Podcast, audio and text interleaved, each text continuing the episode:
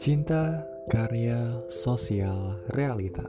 Sesuatu yang sering muncul dalam kehidupan kita Tapi kita sering gak peduli sama hal itu. Dan ya, curhatanku hadir untuk membahas hal tersebut Membantu kamu memahami lingkunganmu Mendapatkan ketenangan dan semangat untuk menjalani hidup. So, nantikan episode-episode curhatanku See you next time.